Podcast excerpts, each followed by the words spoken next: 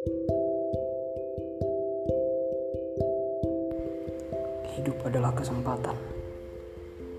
Mungkin sering kali kita mendengar kata-kata ini, yang mana hidup itu adalah untuk berkarya, hidup itu untuk melakukan hal-hal yang bisa menyenangkan dan juga bermanfaat bagi orang lain.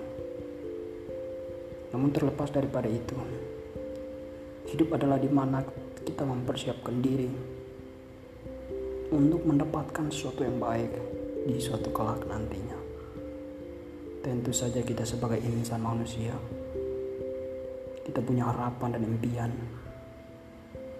Tidak terlepas dari itu pun juga, kita ingin untuk melakukan sesuatu yang bisa dikenang dan bisa bermanfaat bagi orang lain.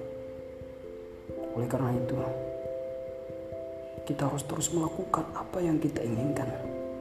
Jangan menunda hari besok baru melakukan. Lakukan saja kapan Anda bisa. Sehingga ketika kelak tidak menjadi beban dalam pikiran kita. Tidak menjadi salah satu masalah. Tidak menjadi salah satu problem dalam kehidupan kita. Sejauh mana kita melakukan sesuatu yang baik.